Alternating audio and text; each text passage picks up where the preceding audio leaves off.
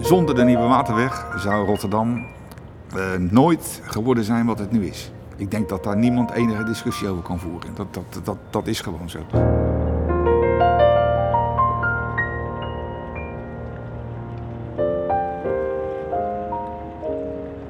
Welkom bij de podcast van Rijkswaterstaat. Mijn naam is Botte Jellema.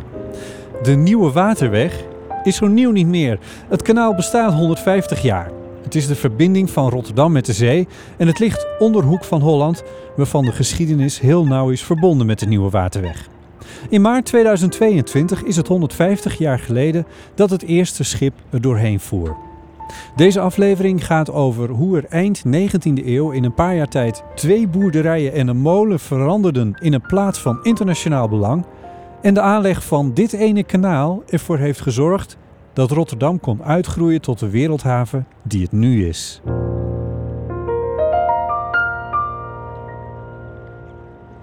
Ik ben eh, Henk van der Lucht en ik ben geboren, opgegroeid en nog steeds woonachtig in Hoek van Holland. Henk is Hoekenees en voorzitter van het historisch genootschap Hoek van Holland.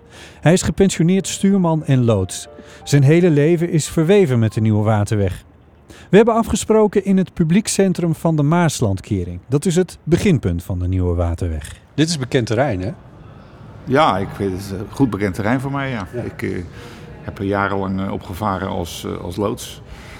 Hoewel ik inmiddels alweer een aantal jaren met pensioen ben. Een loods adviseert kapiteins bij het varen. Het zijn specialisten die aan boord komen als een schip door vaarwater komt waar zij bekend mee zijn. Ze kennen de plaatselijke zandbanken, vaargeulen en de stromingen.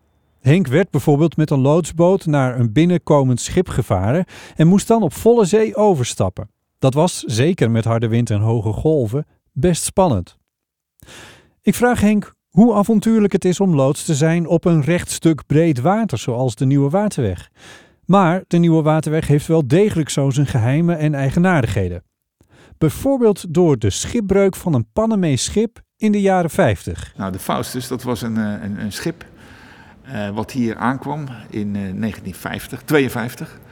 En uh, dat schip dat, uh, dat, dat moest naar Rotterdam en die, de loosdienst was gestaakt door het slechte weer. En die kapitein heeft besloten om toch zelf naar binnen te komen. Mag dat? Nu niet meer, maar nee. toen, toen kennelijk okay. wel. Ja.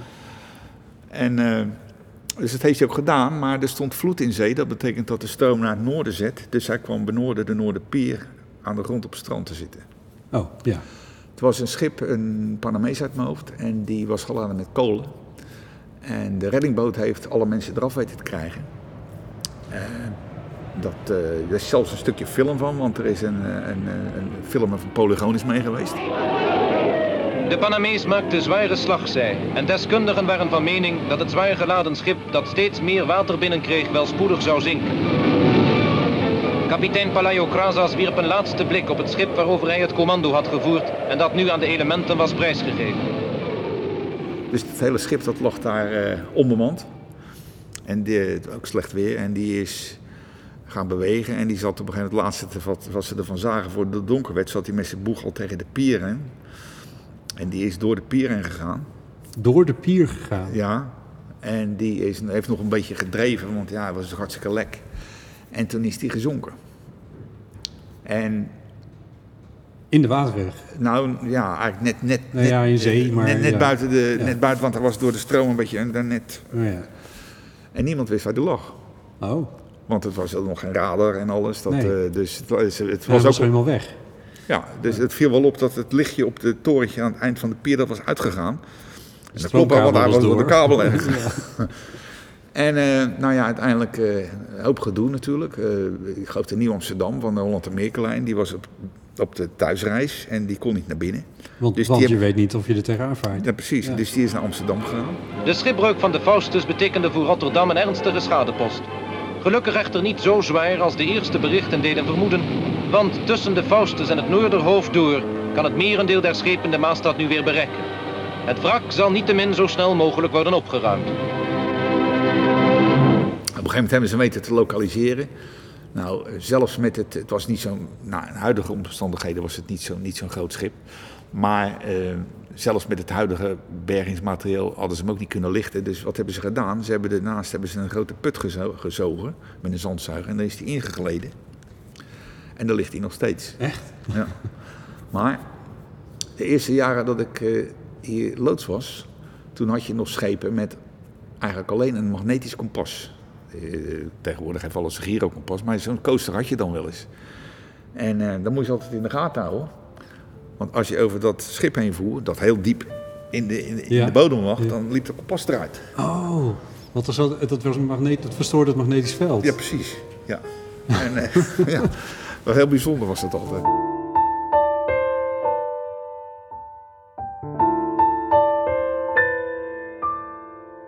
De geschiedenis van de Nieuwe Waterweg en Hoek van Holland begint eigenlijk bij de Sint-Elisabethsvloed in de 15e eeuw. Dat is het onderwerp van twee afleveringen geleden van deze podcast. Henk legt het uit. Eh, voor de Sint-Elisabethvloed, toen, toen stroomde het meeste bovenwater. Dat is het water waardoor de, de Maas en de Rijn eh, in Nederland komt. Nagenoeg alles stroomde door die Maasmond eh, naar zee. Ja. En bij de Sint-Elisabethvloed eh, is natuurlijk de Biesbos ontstaan. Maar er zijn ook grote openingen gekomen met, eh, met het eh, Hollands Diep. Dus een hoop water ging daar doorheen. Hier ging die minder snel stromen, waardoor de, de- alle slipdeeltjes in het water eerder de, de kans kregen om zich neer te zetten. Ja, ja. En, en zo gebeurde het dat Rotterdam langzaam maar zeker wat moeilijker bereikbaarder werd Ja. voor, eh, voor de schepen. Ja, dat eh, zo'n beetje van eh, zo'n 1740 ongeveer ruwweg. Toen, toen konden de schepen nog door die, dat overgebleven zeegat, het Brielse zeegat. Ja.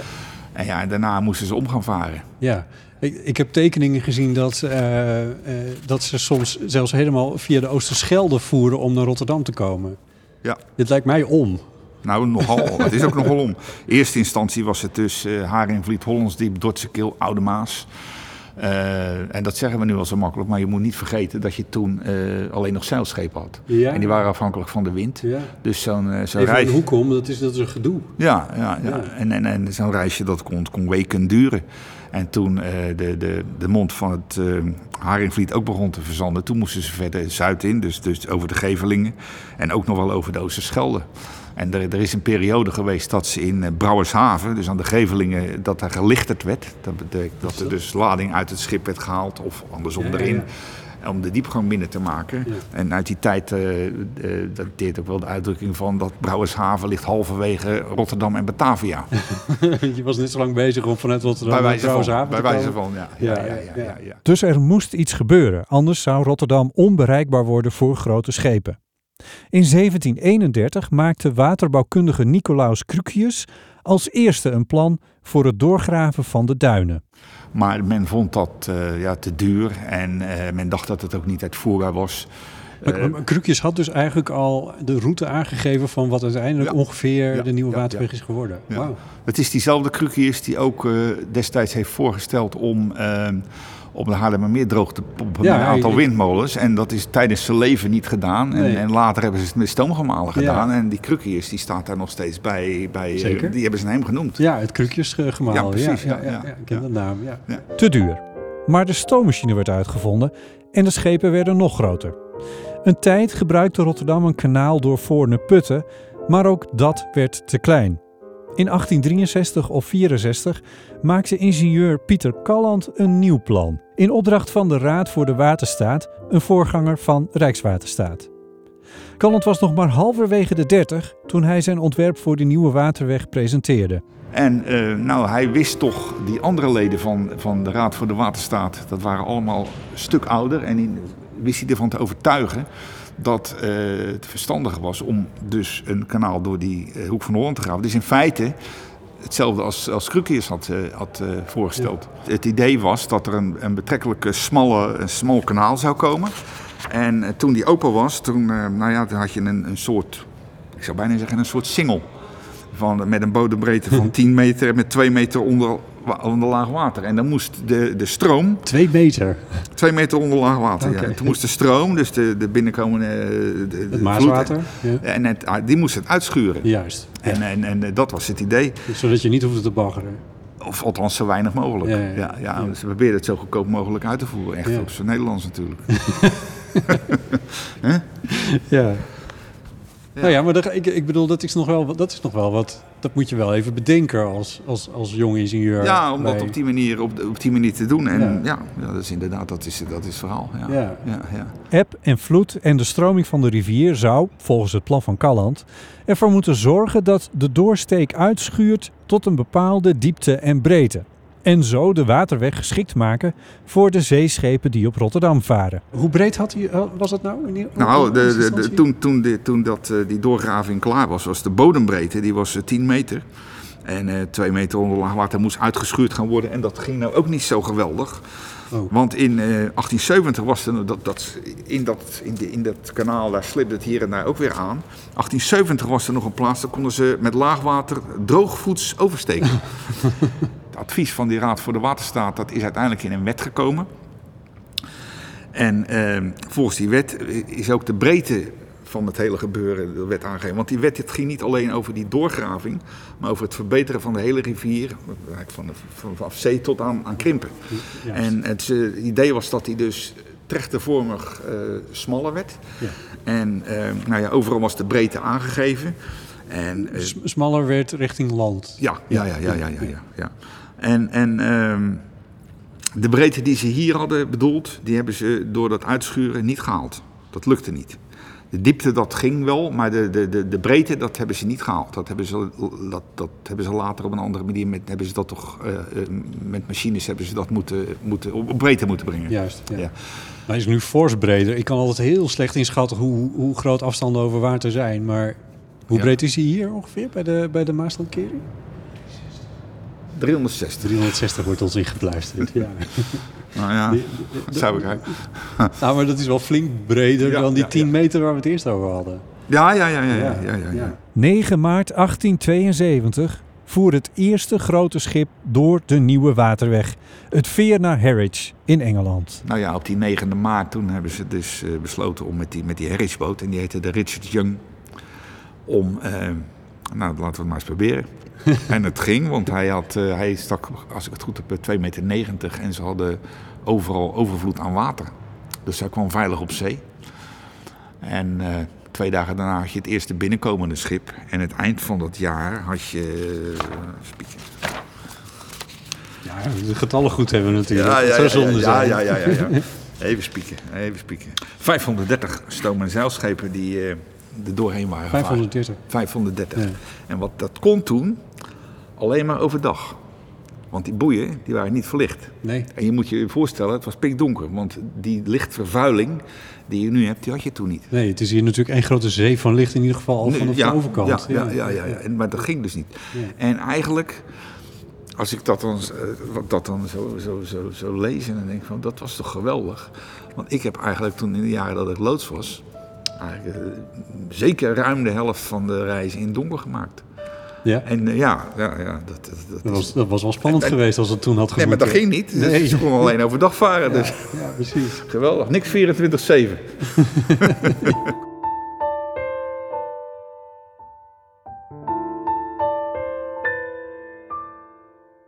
Maar nu moeten we het misschien ook hebben over eh, Hoek van Holland. Ja, ja. Want het hangt hier helemaal mee samen. Ja, ja. Hoek van Holland, dat, eh, daar was helemaal niets. Er stonden twee boerderijen en een, eh, en een watermolen. Een van die twee boerderijen en die watermolen die zijn er overigens nog steeds. Oh, echt? Ja, en ehm, ja, daar eh, kwamen natuurlijk allerlei lieden die kwamen hierheen. werklieden. Veel mensen uit de, de, de, de, de buurt van, van Sliedrecht, die dus met de baggermaatschappijen meekwamen. Ja. Ja, en er kwam ook personeel van Rijkswaterstaat en dergelijke. En eh, ja, zo is het Hoek- van Holland eigenlijk, eh, eigenlijk is dat ontstaan. Dus Het- arbeidershuizen en ingenieurs kwamen er te wonen. Ja, ja de, de, de, de eerste gebouw wat overigens neergezet werd, en dat was al in 1864, dat was een directiekantoor van Rijkswaterstaat. En dat heeft er eigenlijk tot aan de Tweede Wereldoorlog heeft dat er gestaan. En toen is het door de Duitsers is het, eh, afgebroken. Ja, want de- we gaan weer veel te snel door de tijd. Maar goed, er is Ja. hier een enorme stuk van de Atlantikwal is hier Ja. gebouwd geweest Ja, in de Hoek van Holland. Daar heeft dat ook mee te maken. Ja, precies. Ja, die hele wijk waar die stond is grotendeels is die, is die, is die afgebroken. Ja, dat was het oude Hoek van Holland. Dat is de, de oude hoek noemden wij dat. De ja. oude hoek. De, oude hoek, ja. Ja, ja, ja, ja. Wat voor, wat voor plaats is dat geweest in die beginjaren, in, de- in de jaren 70 van de 19e Eh, eeuw? een, een hele kleine, hele kleine, zeer geïsoleerde buurtschap binnen de gemeente Schravenzanden. Want daar hebben we het over. Bestuurlijk viel dit allemaal onder Schravenzanden. Ja. en het, is, toen- het is nu Rotterdam. Het is nu Rotterdam, maar dat kwam pas in 1914. Maar eh eh, S- eh, Schravenzanden, die, die kreeg er ook een eiland bij. Toen die doorgraving, eh, want dat bleef ook gewoon, gewoon gemeente Ja, Schravenzanden. ja, ja. ja, Ja, ja. daar is nu natuurlijk ook niks meer van over, door Europoort en de, nee, en dat, de dat, is, dat is allemaal. Ik zeg al, er, er, er, eh, er ligt er geen zandkorrel meer op zijn, eh, op zijn plaats. Die zijn allemaal, eh, allemaal verplaatst. Ja. ja, ja, mooi. Ja, maar dus een, een kleine, op zichzelf aangewezen buur- buurtschap eigenlijk. Ja, Dus- ja. Maar dan moesten, dan moesten natuurlijk ook scholen komen. En dan Er, er is op een gegeven moment een school en er, er kwamen een paar kerken en eh, ongetwijfeld een winkelier. Er stond op een gegeven moment al heel gauw, 1875 stond er al een, eh, een, een hotel, of eigenlijk een logement moet je dat noemen. Eh, en, eh, Voor mensen die er tijdelijk even moesten zijn. ja, dat, dat denk ik. Ja. En de, de, de eerste huizen, die, nou, er werd ook al heel gauw een, eh, rij huizen gebouwd. En die staat er ook nog steeds voor loodsen. Juist. Want die, eh, die, die- dat hele loodswezen dat gebeurde vanuit Hellevoetsluis, daar was het gevestigd. Maar hier gingen ook schepen door en ja, dan moesten toch ook eh, eh, huizen Ja. gebouwd worden. En die, die stonden ook op die, op die oude hoek. En eigenlijk de rest van die hele oude hoek, die is, is er niet meer. Die is, de, die is grotendeels door de Duitsers afgebroken en later ook in verband met bouwen van nieuwe huizen. En eigenlijk is die rij met die loodse woningen, dat zijn de oudste huizen van Hoek van Holland. Als je natuurlijk die boerderij en die watermolen Nee, meer... Ja, ja, ja, Ja, die, die, die zijn er ook nog. Ja, ja. Nee, ik probeer me er een voorstelling van te maken. Want, want nou ja, als we hier nu naar buiten kijken, naar de overkant kijken we naar... Dit is Europoort, denk ik, waar we naar kijken. Aan de overkant, dat is Europoort, ja. Ja. Het Kallandkanaal heet dat Ja. aan de andere kant van. Dat is dus naar Kalland genoemd. Precies. Ah, kijk, ja. Eh, en eh, nou ja, Pernis en Botlek, en daar, het is allemaal havengebied van, van Rotterdam Van Rotterdam, geworden. ja, maar in die tijd was dat natuurlijk nog niet zo. Dus je zat hier best wel ver af van... van Ja, natuurlijk. Van. Het, het, het was, zoals ik al zei, het was erg geïsoleerd. Toen eh, ze zijn begonnen, hebben ze een, een, een- weg aangelegd. eh, dat heette de Rijksstraatweg naar Schravenzande. Maar ja, dat stelde ook niet zoveel voor. En eh, dat was de enige verbinding. Ja, of je, of met, met, met een boot natuurlijk. Met een boot, ja. Ja. En het racepas is het hier aangesloten op, op de rest van de wereld, laat ik zo maar zeggen. Toen ze de spoorlijn hebben aange- aangelegd. Juist. En dat is in 1893. Dus dat is eigenlijk best wel wel snel daarna. Er zit eh 30 jaar tussen, zo'n 20, 20, 30 jaar Ze hadden, eh, toen, toen ze bezig waren met de aanleg, toen wa- was er al sprake van dat er een spoorlijn moest komen. Eh, alleen al eh, vanwege de verbinding met Engeland. Eh, en er zijn in die... Dat in is die- nog steeds zo. Ja, maar ze gaan nu natuurlijk eh, mensen die, die gaan veel vliegen. in zitten. Nee, zeker. Ja, maar dus ja, er ja. liggen nog steeds eh, grote... De- ja, ja, ja. Nou, Harwich volgens mij. hoor. Nou, ja, dat klopt, ja. ja, ja. En eh, er zijn ook verschillende, eh, hoe noem je dat, concessieaanvragen geweest Voor die spoorlijn. voor die spoorlijn, maar dat werd niks. En op een gegeven moment is de staat is erin gestapt. En eh, die hebben die spoorlijn aangelegd. En die kwam onder beheer van de Hollandse IJzeren Spoormaatschappij. En die slo- sloot in Schiedam aan op het, eh, op het eh, netwerk van de Hollandse IJzeren Spoormaatschappij. En toen die in gebruik werd genomen, dat was 1 juni 1893. Toen gingen ook de herritsboten die al, die al jaren voeren, die gingen eh, even in Hoek van Holland afmeren. Dan konden de mensen op de internationale treinen stappen. Dus, dus eigenlijk 1 juni 1893 ja, werd Hoek van Holland een knoop, nou ja, in ieder geval een verbinding in Ja. de internationale treinen. Ja. ja. Want nou ja, er was, er was dus 25 jaar daarvoor was er nog niks. Ja. En toen ineens was het een internationaal knooppunt Ja. geworden. Ja, heel bijzonder. Ja. Heel bijzonder, ja. ja. Dat heeft alles te maken met die, met die, met die waterweg natuurlijk. Ja. Ja. Wat heeft de, de nieuwe waterweg in die eerste jaren, toen het eerste schip er een keer een, eenmaal doorheen was, ja. wat heeft dat toen betekend voor eh, ja, dit gebied, Rotterdam en Hoek van Holland? Ehm, de, de- zonder de nieuwe waterweg zou Rotterdam eh, nooit geworden zijn wat het nu is. Ik denk dat daar niemand enige discussie over kan voeren. Dat, dat, dat, dat is gewoon zo. Eh, Rotterdam, we hebben het er net al over gehad, Rotterdam was natuurlijk, had geen goede zeeverbinding meer. En, en dat kwam, hierdoor was het weer mogelijk. Uiteindelijk voor, was die voor de schepen van die tijd. En hij is door de jaren heen nog een aantal keren natuurlijk uitgediept en alles. Maar in Rotterdam kreeg je gelijk eh, ook eh, initiatieven. De, de, de Rotterdamse Handelsvereniging werd, werd opgericht door Lodewijk Pinkoffs. Ik weet niet of die naam... eh, zeg maar en, niet. en, en die- liet havens eh, graven eh, eh, op de Zuidoever. De eerste havens, eh, de, de Koningshaven en de Spoorweghaven en de Binnenhaven. Eh, 1871, het jaar daarvoor, toen is er al een eh, commanditaire vennootschap Platen Reuglin is opgericht met het idee om een, om een, een, een scheepvaartverbinding met eh, Noord-Amerika eh, te starten. En die hebben twee schepen besteld. Het eerste dat ging, die heette de Rotterdam. En die ging in eh, eh, eind 1872, oktober 1872, vertrok die voor het eerst. 1873 is de Nederlands-Amerikaanse stoomvaartmaatschappij opgericht. En die, Die kennen we die als de Holland Holland-Amerika-lijn. En die commanditaire vennootschap, die, die ging daarin. Ja, Dus, dus dat, dat is ook eigenlijk ontstaan door, door, eh, de nieuwe door waterweg. de nieuwe waterweg. Puur omdat die schepen, die werden groter in En die, die konden periode. erin, ja. En die konden binnenkomen. Konden binnenkomen. Ja. ja. ja.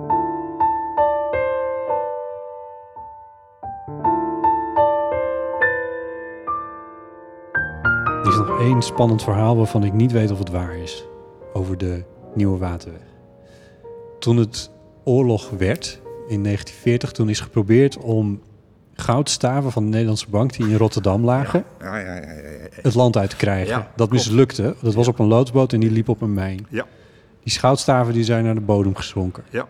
Toen hebben ze daar, lang verhaal kort, ze hebben ze allemaal gevonden op eentje Eén- na. op eentje na, ja, dat klopt. Dit, dit klopt, dit is waar. Eh, ik heb een, eh, een boek thuis, eh, dat heet Baggergoud. Baggergoud. Zo heet dat boek, Baggergoud. En die meneer die dat geschreven heeft, heb ik wel eens een lezing horen gegeven. En die heeft zich daar helemaal in verdiept. En volgens mij komt er ook in tevoorschijn dat, dat die, die, die ene staaf goud nog steeds kwijt zijn. Nog steeds. Ja, ja, ja. ja.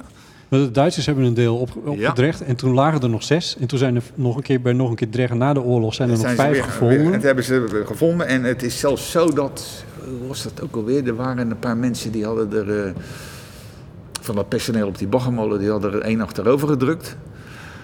En die, eh, Aha. ja, als ik uit, uit, uit eh, Ja, het ja, ligt me over- bij zoals ik het in het boek heb. Ja, eh. ja, dit is- En, en, en dat kon, die konden ze natuurlijk niet kwijt. Want je kan niet ergens naar, en eh, je wil hier gaan, joh, ik heb hier een staaf goud, wat geven we door? Dat gaat niet. Nee, dat gaat. En toen, daar, daar zijn ze toen op verschut gegaan, verraden of zo, weet ik het wat, in, in de gevangenis gezeten. Zo'n zo, zo, zo'n soort verhaal is het. Maar eh, inderdaad, dat verhaal van die loodsboot 19, dat klopt. Loosbot 19 die is op die mei gelopen. Ja. Dat was, eh, dat was goud van de, van de eh, Nederlandse bank, althans de Rotterdamse bijkantoor van de Nederlandse bank, aan de boompjes. En de bedoeling was dat die loodsboot 19 haalde het daar vandaan en die zou het hier in Hoek van Holland eh, overladen op een Engelse destroyer. Die lag daar aan de, aan de.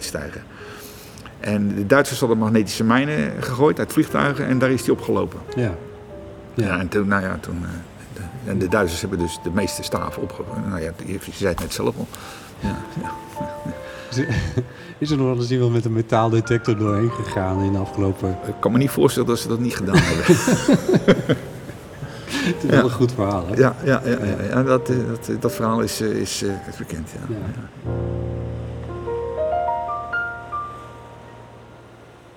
Je hoorde Henk van der Lucht, geboren en getogen in Hoek van Holland aan de Nieuwe Waterweg, die dit jaar 150 jaar bestaat. Henk is voorzitter van het historisch genootschap Hoek van Holland en werkte voor zijn pensioen als loods in en rond de havens van Rotterdam. Dit was een aflevering van de podcastserie over het werk van Rijkswaterstaat. Bedankt voor het luisteren.